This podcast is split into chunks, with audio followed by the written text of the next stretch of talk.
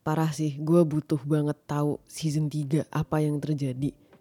It's a fucking cliffhanger and I need to know what the hell happened.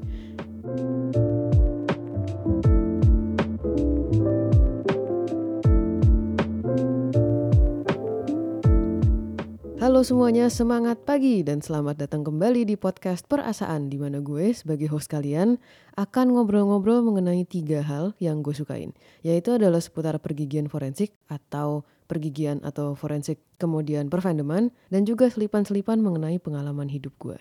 Jadi dalam episode kali ini semestinya sih kalau ngikutin pola jadwalnya kita akan masuk ke topik tentang pergigian forensik. Tapi gue memutuskan to spice things up a little bit in this podcast because it's my podcast, so I get to do whatever I want with it. I can go wild with it, yay!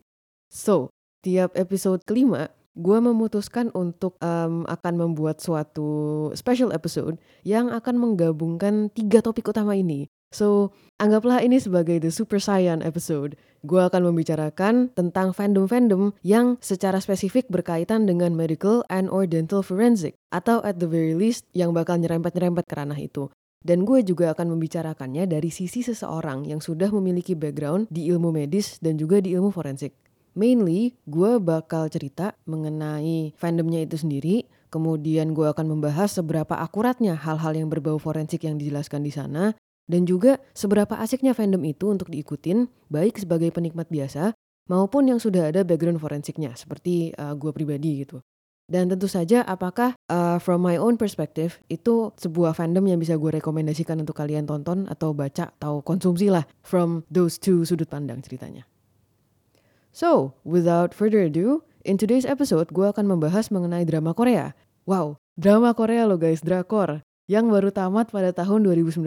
So it's a relatively new drama, I guess. Drama ini berjudul Partners for Justice atau dalam title bahasa Koreanya kalau mau di uh, literal translate jadinya Investigator Couple. Oh and also, sebelum kita memulai podcast episode ini, seperti biasa, gue akan menyampaikan adanya trigger warning terlebih dahulu. Selain mungkin nyelip spoiler dikit, tapi akan ada deskripsi gore dan topik-topik sensitif macam abuse, violence, and some murders because it's a forensic drama and it's a crime drama. Uh, dan gue akan ngomongin beberapa kasusnya secara spesifik dalam uh, seri ini. Dan nantinya akan gue bedah sedikit. That's why trigger warning di depan ini ya. So if you guys consented, lanjut uh, mendengarkan. Alright, so Partners for Justice. This crime drama menceritakan mengenai sebuah, eh kok sebuah, seorang, seorang jaksa muda.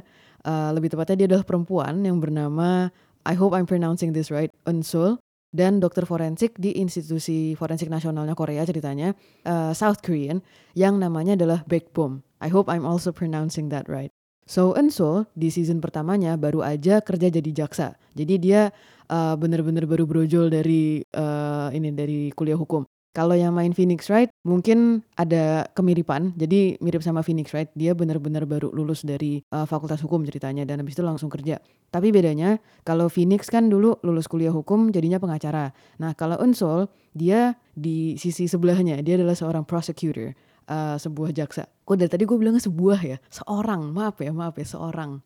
Sedangkan Backbone adalah seorang, oh, I get it, I got it right, seorang dokter forensik yang sudah bekerja selama 10 tahun di institusi uh, forensik nasional. Dan itu udah terkenal banget, baik si institusinya maupun si backbone-nya itu sendiri. However, bedanya si backbone ini reputasinya agak jelek dalam hal attitude lebih tepatnya. Jadi dia tuh galak, seenak jidat, terus dia cemberut terus, he's always really cranky and angry, but he's really really smart.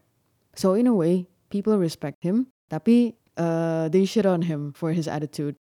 Berbeda sama Enso yang memang masih terlihat muda and she's so fresh, dia masih sopan, terus dia kayak murah senyum and she looks really hardworking and everything. So in general, out of work, people generally like her. So that's why waktu dia pertama kali masuk kerja itu kayak cerah gitu loh prosecutor's office-nya.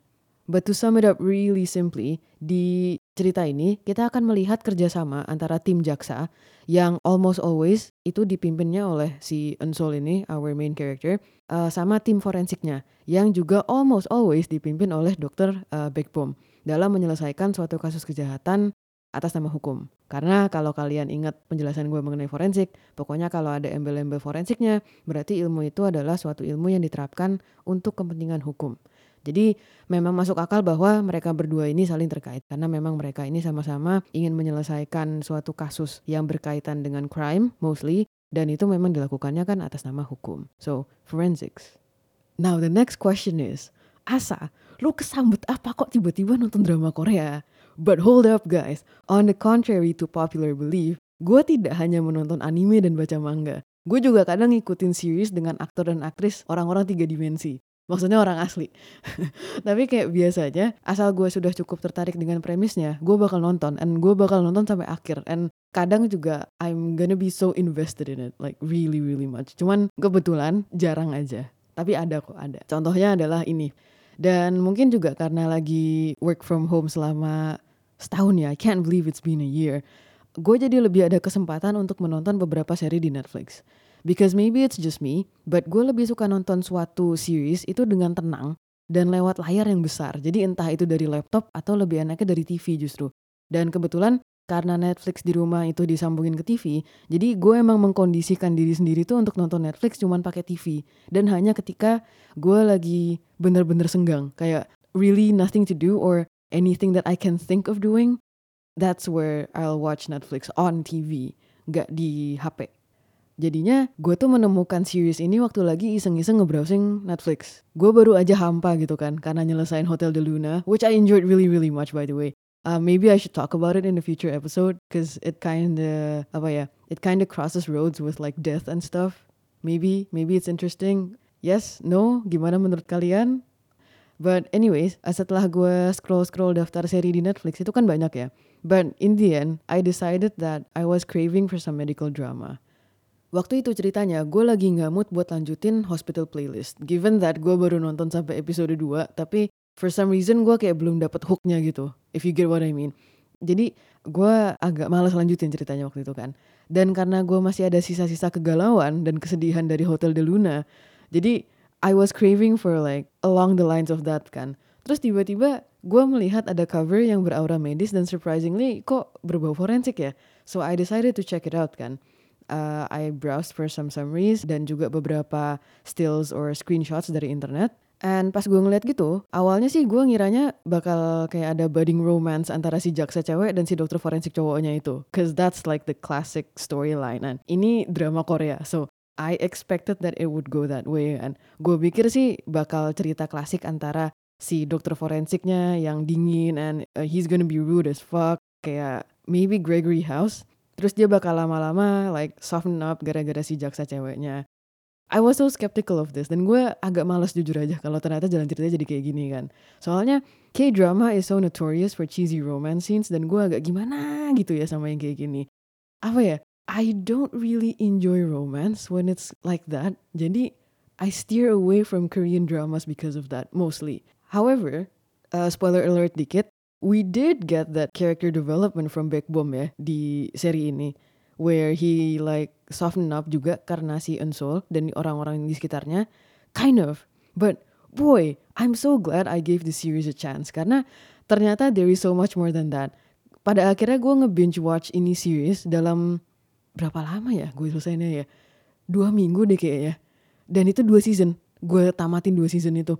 And for me that's really fast uh, mengingat drama Korea juga satu episode kan 45 menit. Biasanya gue apa ya pantat gue nggak kuat untuk duduk selama itu biasanya. Jadi biasanya kalau drama Korea gue istirahat. Tapi kalau anime 12 episode dan gue bisa satu sitting di situ. Karena satu episode cuma 30 menitan. Dikurangin opening song sama ending song ya paling kurang lebih 20 menitan. I can still do that. But anyways, this just proves that I got hooked so much into it. Walaupun ada satu titik di mana kayaknya udah kembali menjadi medical drama dan crime drama yang rada klise dan nontonnya jadi rada bosen, apalagi di season 2. Tapi um, K-drama tuh kayaknya emang tipe-tipe yang slow burn kayak gini ya. Jadi gue mencoba untuk menelan dulu dan gue tahan-tahanin like all the boring parts and all the cliche Korean drama shenanigans and the super annoying characters pas di season 1 kan. And bro, bro, season two was it's so good. It's it's really good. Still a couple of things here and there. Kayak mungkin ada beberapa plot hole yang menurut gue harusnya diselesaikan, tapi ternyata tidak diselesaikan. Tapi the way that everything was presented until the end, buat gue overall it was really great. And I think it was worth it to watch until the end. And that's why I'm glad I stuck through it. Gue bersyukur skeptisnya gue tahan dulu. Dan ternyata bener, it's good. There is gonna be romance. Tapi um, I'm gonna talk about it later, but I'm just gonna say it now. Uh, there is no budding romance menurut gue antara si Unsol sama si Backbone. And it's so nice to see that. It's refreshing to see it buat gue. Jadi bener-bener uh, dinamika mereka itu tuh tidak didasari oleh romance tapi emang didasari oleh pekerjaan mereka masing-masing and juga karakterisasi mereka masing-masing. It's really refreshing, apalagi ini drama Korea. Gue udah kayak ada mindset sendiri gitu kan soal tentang drama Korea. Jadi gue senang bahwa drama Korea ini berhasil mematahkan semua itu. And going to the actual discussion about the drama's plot itself, I think I have to mention Phoenix Wright again di sini. You'll see why. Tapi uh, let's start from Phoenix Wright. So buat yang nggak tahu, Phoenix Wright atau Gyakuten Saiban atau Ace Attorney series uh, originally adalah game dari Game Boy Advance dan habis itu ke Nintendo DS. Ini intinya mengenai seorang pengacara masih rookie juga, masih apa ya? What's rookie? masih daun hijau, dia tuh berhadapan dengan berbagai kasus-kasus nantinya. Uh, mostly adalah kasus pembunuhan, di mana uh, dia harus membela terdakwa yang hampir selalu tidak bersalah. Nah, uh, jadi Phoenix Wright itu dari game pertamanya, dia benar-benar baru keluar dari FH, terus dia jadi pengacara. Jadi benar-benar new banget. Makanya tadi gue di awal bilang, premisnya menurut gue pas awal-awal nonton, oh kok kayaknya rada mirip ya, rada familiar gitu. Sudah itu, by the end of the second season, vibe-nya tuh menurut gue agak lebih mirip lagi. Soalnya uh, gue berasa kayak main Phoenix Wright lagi. Dalam artian, ternyata everything was connected in the end. Gue shock banget sih dengan plot progression dan kontinuitas dari seri ini. Dan lebih kacaunya lagi, ini gue kasih tahu ini bukan niatan mau spoiler sebenarnya sih, tapi sebagai hook biar kalian mau lanjut sampai akhir aja. Tapi ternyata kasus paling pertama itu penting banget sampai akhir season 2 bahkan. Bahkan ternyata a lot of the case will revolve around oknum-oknum yang di kasus pertama itu. Persis banget makanya gue ngerasa gini sama Phoenix Wright di mana kasus terakhir game ketiga yang Trials and Tribulations uh, itu betul-betul penultimate yang kalau kita mau meresapi ceritanya dalam-dalam kayak bumbu rendang yang sampai masuk dan enak dan wah banget rasanya itu harus bener-bener ngerti lore dari game pertama sampai akhir gitu kan sampai kejadian-kejadian di game 2 dan juga memperhatikan beberapa karakter-karakternya serta background story-nya mereka juga. I am happily surprised by that plot progression, really. Cuman ya jadinya ya itu mirip Phoenix Wright juga. You gotta play the game. You gotta play the second game. Then you have to play all the cases yang annoying dan rada boring untuk mencapai the true penultimate case, the denouement of everything. Yaitu adalah kasus terakhir game ketiga itu. Jadi kalau yang di konteksnya ini, di konteksnya Partners for Justice, you gotta go you gotta go through season 1 dulu untuk ngerti background kedua karakter utamanya, which is si Dr. Backbone dan juga uh, Prosecutor Unsol. Biar ngerti hal-hal yang terjadi di season 2, mengerti kenapa karakter mereka seperti itu, kenapa character developmentnya seperti itu, dan juga the events that led up to the end of season 2 juga. Terus selama gue nonton itu, gue ada dua momen like I know exactly two moments where I was like, bro, he's back, he's not dead yet. Oh my fucking god. Dan di dua momen itu konteksnya beda banget. Yang satu itu tuh kayak anjing sih bangsat belum mati juga anjing gila lu. Sama satu lagi, my boy, my boy is back, ah my boy. Wah gila sih. Kayak gue nggak menyangka I will be so invested in it. And like for something to get such a guttural reaction from me, itu gue cukup amazed jujur aja gue bener-bener nge-hype sih nungguin season 3.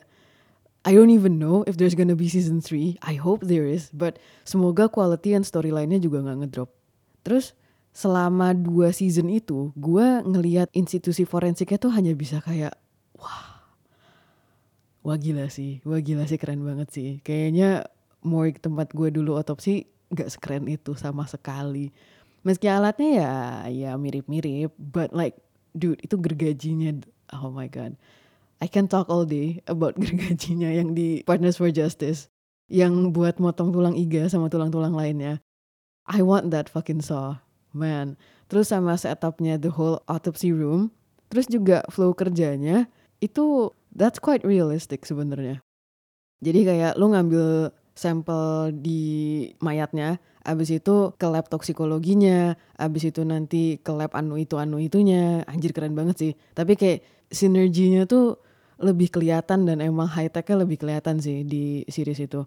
Terus kayak karena gue selama ini posisinya di tim odontologi, kan justru biasanya gue yang disamen ya untuk memberikan insight tentang keilmuan sendiri. Jadi belum pernah ngerasain menjadi sisi yang memanggil istilahnya. Kayak misalnya tuh si dokter Backbone, dia kan yang bakal ngambil sampelnya, terus dia yang bilang, nih tolong analisis ini ke toksikologi atau nih tolong ambil ini analisis ke sini. Jadi gue ngelihat itu cukup refreshing. Again, karena biasanya gue lah yang disamen gitu kan. Kalau misalnya butuh orang gigi, baru eh orang gigi dipanggil tuh kita butuh ini ini ini buat gini gini gini. So it's interesting to see people work in fiction sama people work in real life kayak uh, where does it cross gitu kan. Eh, keren sih, keren sih. And mostly I was quite fascinated dengan prosedur-prosedurnya yang cukup akurat menurut gue.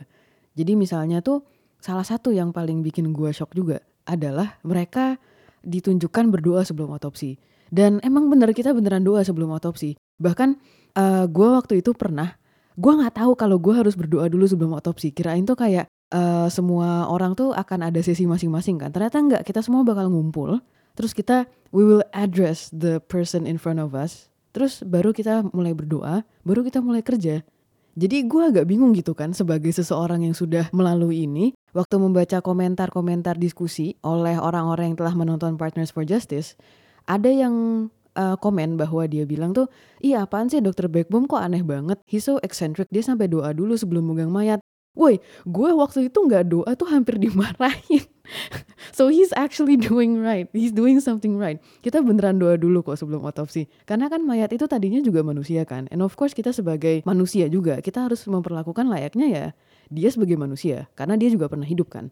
Bahkan gue sampai tersanjung di series ini ada a line, uh, I forgot how it goes, tapi ini gue paraphrase. Intinya ada salah satu dokternya bilang si jasad ini harus terlihat lebih manusia dan lebih rapi setelah autopsi dibandingkan sebelum autopsi.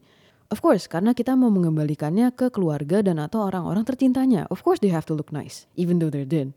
Emang kalian mau jasad keluarga kalian dikembalikan lagi dengan bentuk yang tidak layak? Ya enggak kan, gue juga gak mau. Jadi sebisa mungkin sebagai dokter forensik ya justru kita harus bertindak paling manusiawi. Jadi doa sebelum autopsi itu sama sekali tidak aneh. Terus being meticulous in doing your autopsy itu juga nggak aneh. We do it for real. Terus juga yang tentang si backbone itu mencatat waktu dan tanggal otopsinya dengan baik yang benar, oh itu bener banget. Itu tuh pokoknya harus seteliti mungkin melakukannya. Misalnya gue tuh inget dulu pas masih awal-awal banget ya, pas gue masih literally I just started, gue bener-bener my first or second autopsy, kan gue masih semprul banget. So I didn't really know the actual procedures for it dan gue dulu belum se apa ya belum se meticulous itu. Habitnya tuh belum tertanam di dalam diri gue bahwa gue harus menuliskan tanggal waktu terus habis itu nomor kasusnya terus nomor bla bla bla bla bla nama anu anu bla bla bla blanya itu dengan lengkap semuanya di lembaran yang orang gigi harus isi gitu kan. Terus kalau nggak lengkap wah itu gue dicari-cari anjir. Gue di WhatsApp kayak asa ini nomor kasusnya berapa? Asa ini apa? Ini ini ini apa? Jadi itu bener banget harus harus teliti guys. So dokter Backbone walaupun marah-marahnya kadang-kadang suka over the top tapi gue mengerti maksudnya dia gimana. Semuanya harus teliti karena ini untuk kepentingan hukum. Dan kalau dihukum ada detil yang ketinggalan dikit aja. Nah itu masalah. Dan habis itu ideally itu memang ada dokter yang periksa dan habis itu juga ada yang nyatet. Jadi ideally itu kalau mau uh, mengerjakan pemeriksaan itu ada dua orang. And ideally juga itu disahutin balik sama yang nyatet. Jadi biar sambil cross check. This goes also for tim dental. Jadi gue selalu diajarkan untuk kalau misalnya mau memeriksa itu harus dua orang. Jadi satu yang meriksa, satu yang catat dan dua-duanya bisa saling melihat, bisa memberikan second opinion untuk masing-masing dan akhirnya ada suatu uh, kesepakatan yang nantinya akan fix ditulis di formulir yang harus kita isinya itu. Jadi itu tidak hanya bullshit ya guys, itu beneran. And gue salut bahwa itu ditunjukkan dengan menurut gue cukup baik. Itu ideal banget dan rapi banget. Gue salut ngelihatnya makanya. It was really nice to see. And again, this goes for tim dental juga dari gue sendiri. Jadi kayak isi odontogram pun kalau di klinik orang hidup sama di morgue itu sama aja. Terus Yang paling gue ngakak sih adalah bahwa dokter-dokter forensik itu kalau ngecek gigi dan rongga mulut itu kayak asal lewat aja. Terus gue pas ngeliat itu tuh kayak anjing persis banget sama. dan kayaknya tuh si dokter Backbone juga sampai mesti konsultasi juga ke orang gigi. Karena dia kalau nggak salah sih waktu itu ya gue inget di salah satu episodenya dia kayak ngomongin dental age estimation lewat pola erupsi gigi terus dia juga sempat melakukan rekonstruksi wajah kan tapi itu bukan dia yang ngerjain jadi ada dokter lain yang ngerjain dan wajar aja karena dokter Backbone itu adalah dokter forensik umum and I appreciate that about him. At the very least he knows when he needs help. Dia masih mau meminta ya walaupun sundere ya sebenarnya ya. He comes off rude tapi ya itu at least dia sadar diri. And dia juga mencari bantuan ke ahli toksikologi sama juga ke ahli antropologi. So we need that teamwork kalau lagi otopsi dan untuk menyelesaikan sebuah kasus. I appreciate that ditunjukkan di seri ini. Walaupun mungkin beberapa detail mengenai satu persatu ilmunya itu nggak ditunjukin, tapi sebanyak itu bisa ditunjukin sama mereka. Menurut gue aja udah keren banget dengan tingkat akurasi yang menurut gue juga lumayan akurat. Dan uh, tadi di awal mungkin gue udah sempat bilang bahwa orang gigi itu ada ketika dipanggil dan iya ditunjukin juga sih di seri ini. Jadi karena giginya itu kadang-kadang juga asal lewat aja kalau memang ada pemeriksaan yang khusus memang butuh expert opinion dari seorang ahli odontologi forensik barulah dia akan ditanyakan karena again dokter umum tidak belajar semuanya kan mengenai dentistry. Sama aja kayak orang dentistry tidak belajar semuanya mengenai seluruh badan. Jadi berhubung expertise-nya kita beda-beda, tapi kita saling tahu kapan kita membutuhkan masing-masing. Iya. Saling memanggil kalau misalnya tidak tahu. Begitu juga ke bidang ilmu lain. And again, I'm repeating this again, tapi kayak gue seneng banget bahwa ini ditunjukin. And speaking of uh, accuracy mengenai case dan science-nya, gue tuh seneng banget bahwa gigi tuh disebut di seri ini like oh finally the recognition the representation. Berasanya tuh kayak kalau ada artis di luar Indonesia atau youtuber di luar Indonesia tiba-tiba kayak bilang terima kasih atau bilang saya suka nasi goreng. Habis itu YouTube comment saya isinya wow Indonesian I'm Indonesian. Like this comment if you're Indonesian. Nah itulah gue waktu kasus-kasus yang berhubungan sama gigi keluar. Tapi bedanya itu kalau misalnya itu adalah sebuah YouTube video mungkin gue adalah orang yang kayak wow forensic odontology odontology, like this comment if you like forensic odontology or if you are a forensic odontologist. Sedespo itu sebenarnya sih tentang bidang ini. Tapi ya, ya nasibnya begitu. Jokes aside, terutama gue sangat fascinated mengenai satu kasus analisis bite mark atau bekas gigitan. Cuman, kasus tersebut juga bikin gue rada heran jujur aja. Because secara teori itu kasus sebenarnya sangat straightforward dan akurat. Sampai gue shock apakah memang ada kasus beneran yang beneran kayak gitu saking idealnya dan saking begitu straightforwardnya mungkin gue mainnya kurang jauh dan emang karena gue belum banyak pengalaman ya I mean gue betul-betul masih masih seenggoh kecil manusia yang baru apa sih baru kayak I'm dipping my toes like the tip of my toenail di bidang ini kan. Yang berarti gue masih lebih banyak belajar lagi of course. But it's nice to see at the very least walaupun gue baru sepotong kuku doang menyemplungkan diri gue di dunia di lautan odontologi forensik, it's nice to see bahwa ilmu yang telah gue pelajari benar-benar bisa diterapkan. Paling tidak ilmu-ilmu gue is really helpful begitu menonton forensik dan medical drama dengan konteks yang lebih banyak. At the very least, ya gak? In a more serious note, karena representasi odontologi forensik banget nih di kasus yang satu ini. Jadi gue mau khusus nih ngebahas tentang kasus tersebut. Kasusnya adalah ini trigger warningnya adalah child abuse. Dan gue mengappreciate bagaimana ada dokter yang berhasil menemukan tanda-tanda abuse itu dari bite marknya.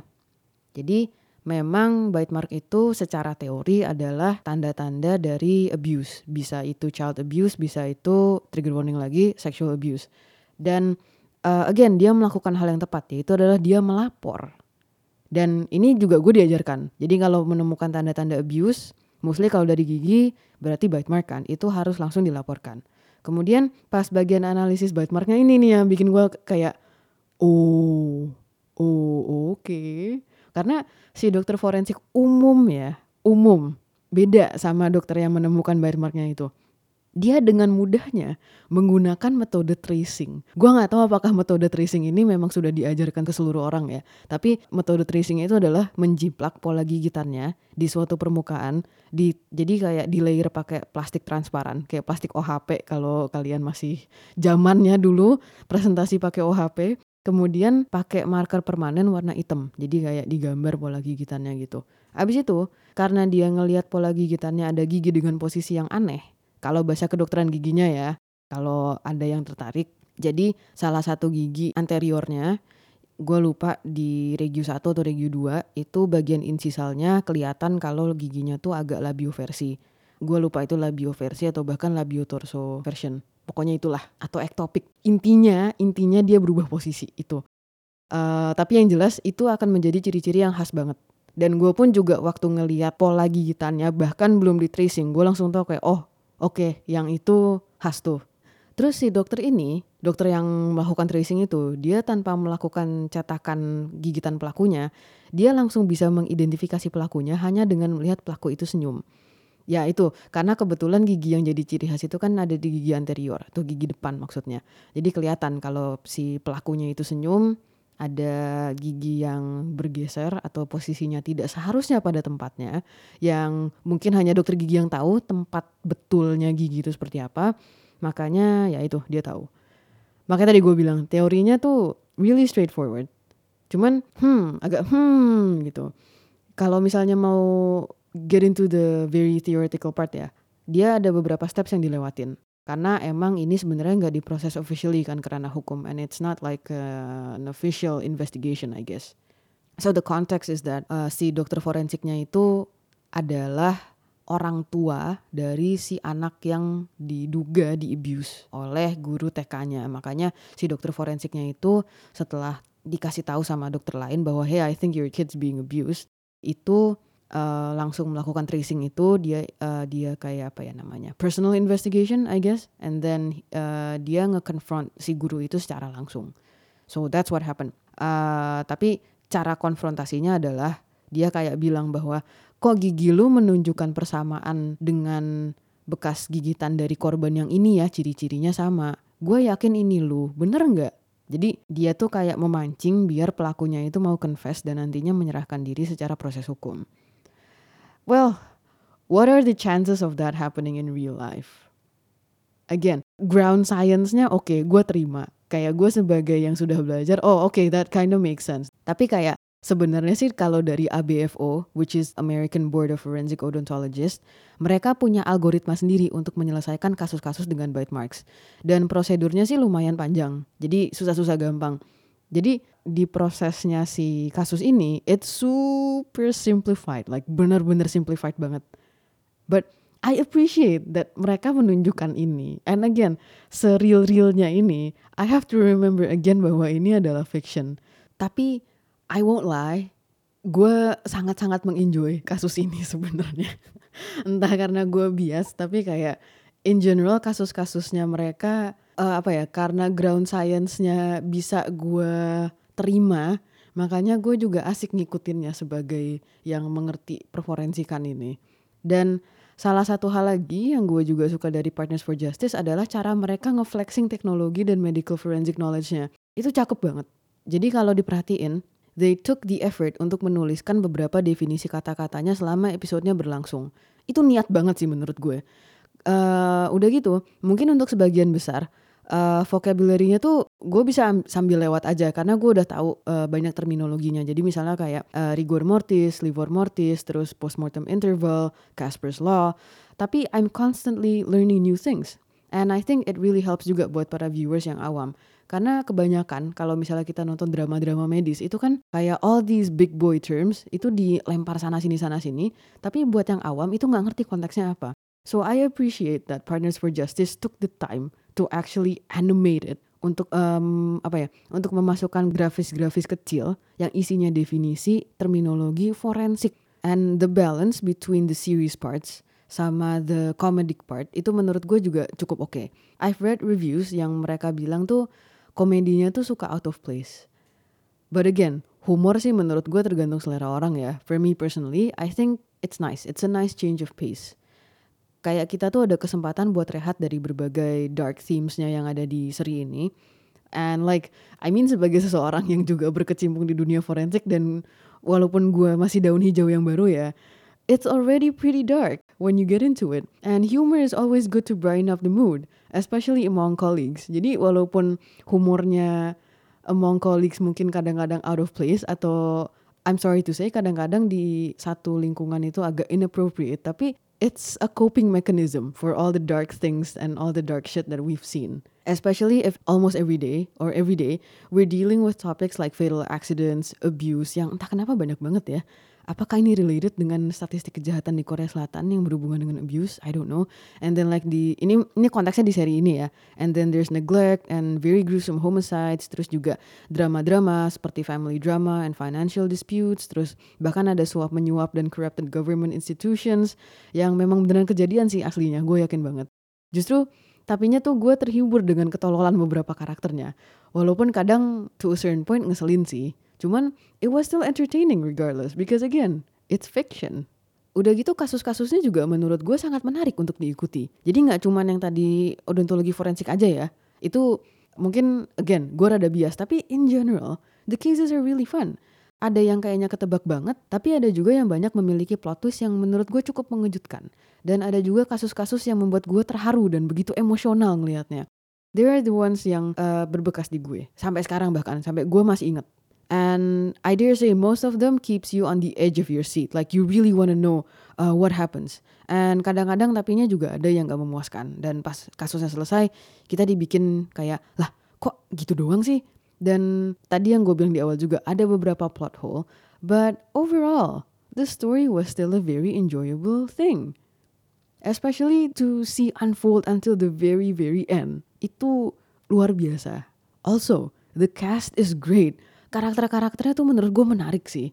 They're quirky in their own way. Soalnya tuh kebanyakan isinya kan orang-orang pinter. And trope-nya tuh adalah orang-orang pinter biasanya aneh. Dan kayaknya they they did well in this trope. Terus kayak misalnya the female lead, si Enso. I admit is kinda annoying at first. Bener-bener gue inget kebegoannya Phoenix Wright waktu masih awal-awal terlalu impulsif terus blow onnya keterlaluan yang kayak nggak tahu mesti ngapain waktu lagi kerja. Cuman bedanya kalau Phoenix kan gue nggak inget ya dia IPK-nya disebut atau kayak prestasinya gimana. Tapi si Ensol ini katanya she graduated at the top of her class. Katanya tuh dia pinter banget.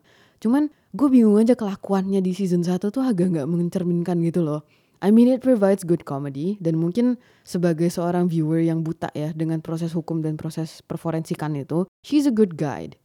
And I thought like I'm trying to put myself di posisinya pembuat drama ini. So maybe this character was created like that secara intentional. But thankfully di season 2 barulah kelihatan bahwa dia menjadi lebih dewasa dan juga jauh lebih experience. I think kita sebagai penonton juga in a way karena kita lebih paham about how the universe works, uh, both the universe of the lore in the series dan juga mengenai proses hukum dan perforensikan secara teknisnya gitu ya. Jadi kita tuh kayak berkembang bersama Unsol. Dia lebih experience, kita sebagai viewer juga lebih experience. Jadi pas awal-awal kita kan nggak tahu oh habis A akan terjadi B. Setelah prosedur A kemudian habis itu prosedur B. Tapi kayak karena kita udah melewati season 1 bersama dengan Unsol yang sama-sama mungkin tololnya sama kayak kita, di season 2 dia tahu kita juga jadi oh pasti habis ini tuh harus begini. Kalau udah prosedur yang ini nanti begini. So kita ikut pinter bersama dia. And her way of approaching things juga I admit jauh lebih pinter daripada season 1 she's great in season 2 I can feel and I can see her development. Dan juga beberapa scenes yang ada dianya itu juga bikin gue tersentuh juga. She's grown dia nggak begitu emosional lagi. Tapi because dia apa ya dia mulai dewasa I think jadi kata-kata yang dia utarakan, kemudian cara dia berbicara dengan karakter lain itu menunjukkan sesuatu yang lebih and it got me pretty emotional. Salah satunya adalah yang pas dia ngomong sama uh, anak kecil. Oh, oke, okay, that's kind of spoilery but intinya dia ngomong sama anak kecil. Terus gue kayak, ah man, that's nice of her. Such a shame though bahwa di season 2 kayaknya dia agak di overshadow sama karakter lain. Meski dia dari awal didesain sebagai karakter utama kayaknya. And I think uh, again sisi emosionalnya and how apa ya how heated she is itu ngekontrasnya bagus sama the male lead which is si Dr. Backbone ini. And speaking of Dr. Backbone, gue jujur mau tepuk tangan dulu untuk karakter ini. This man was one of the reasons I stayed until the end. He is fucking rude, extremely rude. Most of the time amarah dia itu uncalled for. Modelannya menurut gue kayak Dr. Gregory House dan Sherlock dari BBC Sherlock. Tapi entah kenapa menurut gue kalau House itu lebih apa ya snarky and sassy, I think, and kind of arrogant. Dan kalau Sherlock BBC itu straight up menurut gue an asshole and he's very arrogant. Tapi Dr. Beckbom, he's like a ball of anger and sadness in one package. Also a genius and a perfectionist. Tapi uh, apa ya? The ball of anger and sadnessnya tuh beda. Yang membedakan dia dengan si House sama si Sherlock. Jujur aja kalau gue punya dosen kayak dia, gue akan bete banget. Gue akan ngamuk banget kalau ketemu orang kayak dia. Tapi we can't deny that dia tuh pintar banget. And he's also very hardworking. Dan untungnya uh, dua dokter forensik yang sering menjadi asisten dia itu kayaknya sangat mengenal si dokter Beckbom. Dan walaupun kayaknya ditunjukkan bahwa si dokter Beckbom ini nggak peduli dengan mereka, uh, I think there are times where we can see him caring in his own way. I also like the fact that his character stays true until the end. He's still the same stubborn and smart forensic doctor yang kita tahu dari season 1. Tapi di season 2, kita bisa melihat dia tuh he's caring a bit more dari melihat cara dia berinteraksi dengan orang-orang di sekitarnya juga cara apa ya uh, jadi nggak cuma dari dari cara ngomongnya but his gestures and all the little things kalau misalnya diperhatiin and also about Unsol and Dr. Beckbom yang tadi gue sebutkan mengenai romance, I love how there is no romance going on between these two. Memang bener-bener lives up to its name, Partners for Justice. Bener-bener partner in the most literal way possible. Mereka kerjasama to solve the crimes. It's that kind of couple. It's nice. I hope it stays that way. Like, I hope they're just like really good platonic friends at least. Gak usah nyampe cross the barrier of like romantic. Cause I don't need that bullshit. I just need them to synergistically work together because their dynamics are interesting. Yeah. Terus I'm just gonna put it out there. I absolutely love Dr. Stella Huang. Gila, that's the level of pinter and beauty that I aspire to be. Kata kuncinya adalah aspire karena gue juga gak yakin gue akan bisa mencapai seperti itu. Jadi gue hanya bisa bermimpi, tapi mimpi itu mungkin tidak akan menjadi kenyataan. Jadi gue telan aja dulu. I also love how tim forensiknya Backbone. Uh, I hope I'm pronouncing this right again. Sang Ju, Sang Ju sama Suyun. Yeah, those two pokoknya yang cewek sama yang cowok their dynamics are so interesting. I love seeing them. I love how their personalities juga kelihatan banget. Apalagi kalau bertiga sama si Backbomb. Itu kocak sih ngelihatnya. I dare say gue sebenarnya kasihan sama all the verbal abuse yang mereka berdua tuh has to go through selama bekerja dengan Dr. Backbomb. Tapi kayak uh, gue juga paham banget kalau mereka mau keluar gara-gara Dr. Backbomb. But the fact that we can see their trust in each other and they stick together and we can see that the three of them respect each other juga itu sesuatu banget sih buat gue. Kayak it's a it's like a dysfunctional family of three but it works really good somehow. It's it's interesting. It's really cool. And also oh my god gue suka banget sama this one character yang muncul di season 2 I think everyone knows which one I'm talking about. And this character is also the reason why I stayed until the end. Karakter ini tuh baru muncul bener-bener di awal season 1 eh, sorry bukan bukan season 1 season 2 di season 1 belum ada. Dan gue rasa it was rather obvious di pertengahan uh, season 2 bahwa this one character is also this one character. So like they're tanda kutip the same person kan. Tapi there's more to it than that. Terus lama-lama masa lalu dia mulai terbongkar dan holy shit yo! Yo! Yo my feels character wise ini menarik banget dan gue nggak expect bahwa it will go down this route. Ini berani banget sih untuk mengangkat suatu background karakter yang kayak gini. Um, kayaknya ini depiction kedua yang gue lihat mengenai background yang seperti ini. Satunya uh, surprisingly adalah di BL manga, one BL manga yang pernah gue baca. Kemudian abis itu gue nonton ini kayak hey isn't this the same psychological condition? Hmm. Terus ternyata taunya bener.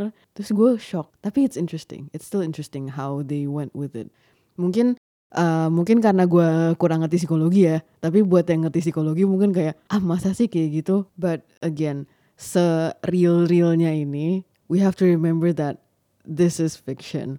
Seperti gue harus menerima bahwa kadang-kadang ada beberapa part forensik atau part giginya yang tidak akurat juga atau agak not scientific atau tidak bisa gue terima berdasarkan teori yang gue pelajari tapi ya ya sudah lah this is entertainment and I find this entertaining which berarti it fulfills its purpose. So that's good.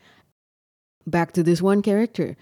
Um, so that was the first one mengenai masa lalunya. Second of all tolong ini aktornya di apa ya dijabat tangannya dikasih award or some sort karena I could only imagine that it would be so complicated to act for this one character. Dan untuk menghayati masalah-masalah yang dialami karakternya berdasarkan konteks background karakternya ya itu pasti butuh extra effort banget yang luar biasa. Karena uh, maybe this is kind of spoilery but apa ya this one actor dia harus acting sebagai at least three characters and itu susah menurut gue juga. Even though I'm not an actor but I know it's gonna be hard. Udah gitu he has to like switch between these characters kadang-kadang in a short period of time. And like kadang-kadang karakter itu pun saling berantem satu sama lain gitu kan. And it's it's got that's gotta be hard. Makanya gue ngeliat itu kayak gila ini aktornya keren banget sih. And to top it all asli dia cantik banget parah. Parah cantik banget. Straight out of an anime. Gue awalnya doki duluan tuh gara-gara ini tapi gue nggak menyangka bahwa ternyata si karakter yang membuat gue doki-doki ini akan membuat gue makin doki-doki lagi. Sampai nyokap gue yang kadang nonton gue lagi nonton Partners for Justice ini, dia bilang, Sa, itu si Anu kenapa cantik banget deh. And iya parah cantik banget. Mungkin kalau kalian sekarang tiba-tiba nge-google search Partners for Justice Season 2, you will see the prettiest character. A dude by the way, bukan cewek. That's the one that I'm talking about kalian pasti tahu yang mana. Mungkin mungkin konses, konsensus semuanya tuh kayak udah tahu dia yang paling cantik pasti. But yeah, this character made me stay. Terus dia pun juga yang membuat gue ingin menonton season 3-nya. Dan semoga season 3-nya beneran ada. Kalau nggak ada, targetir sendiri nih. Gue gue dan fanbase-nya lain nih. Ah, I need season 3. We need to know what happened to to nggak nggak dua bahkan. A lot of the characters bahkan. Dan juga main villainnya. Gue sebel banget sama main villainnya. Dan gue respect banget. Dan gue salut banget sama penulisnya. Bisa menulis villain yang membuat apa ya membuat mayoritas orang tuh emang kesel banget sama dia. Dan mengakui bahwa oke okay, he's a good villain. Dengan background karakternya dia juga. Itu hah hah. We just need season 3 And you all need to watch this if you have the time. I totally recommend this drama untuk kalian-kalian yang suka forensik dan juga suka cerita crime. This is coming from me yang berpengalaman atau punya knowledge lebih di bidang forensik dan juga uh, gue memposisikan diri gue sebagai orang awam. It's a really good series. Menurut gue, walaupun plot utamanya tetap yang tipe whodunit ala cerita detektif klasik, tapi di sini yang kerennya adalah clues-nya tuh lebih banyak clues yang bersifat ilmiah jadi menurut gue itu kerennya di situ. Di Partners for Justice ini proses penelusuran kasusnya banyak dilakukan dan ditonjolkan uh, secara ilmu forensik medis. Jadi kayak forensik kedokteran, kemudian forensik toksikologi, forensik DNA, kadang-kadang juga forensik antropologi dan bahkan kan tadi gue cerita juga ada forensik kedokteran gigi. Yang jujur aja itu sebenarnya jarang dibahas, makanya gue juga senang ini dibahas di sini. Itu ditonjolin banget. Bahkan sempat ada sedikit let's say forensic veterinarian, forensik yang lebih ke teknologi, kemudian ada forensik material, itu juga ada. Keren sih. Jadi memang bidang ilmunya flexing banget di sini. Makanya gue seneng liatnya. Dan gue yakin sebagai yang umum pun yang gak ngerti itu melihat all these technologies and all these new information like scientific information bagi yang suka itu akan menarik banget. Terus aspek hukumnya juga lebih ditonjolkan. Jadi courtroom dramanya pun juga ada. And I really like the fact that there is little to no romance involved. Yang gue bilang tadi, ada sih romance di beberapa antar beberapa karakternya. Cuman uh, itu kayak bukan main plot pointnya. Walaupun ada satu karakter mungkin yang uh, kayak salah satu unsur karakterisasi dia didasari oleh romance, tapi uh, yang gak bego-bego amat jadinya. Dia masih ada peran signifikan lah di seri ini. Makanya uh, I can still tolerate the amount of romance juga in this drama. So yeah, buat yang udah pernah nonton, how did you like this drama? For those of you yang belum nonton, please watch it. Both seasons ya, season 1 dan season 2. You have to go through those two. jangan langsung nonton season 2 nanti nggak ngerti konteks terus nggak apa ya nggak karakterisasinya kurang dapat terus kayak kalian juga bingung sebenarnya kalau langsung nonton season 2 itu ada di Netflix kalian bisa nonton secara legal guys ada di Netflix dua-dua seasonnya silakan binge watch ayo ikut gue menunggu season 3 dan ikut berharap bahwa memang akan dibuat So, sekian untuk episode kali ini. Jangan lupa pakai masker, jangan lupa cuci tangan. Sampai jumpa minggu depan. Semangat pagi semuanya. Dadah.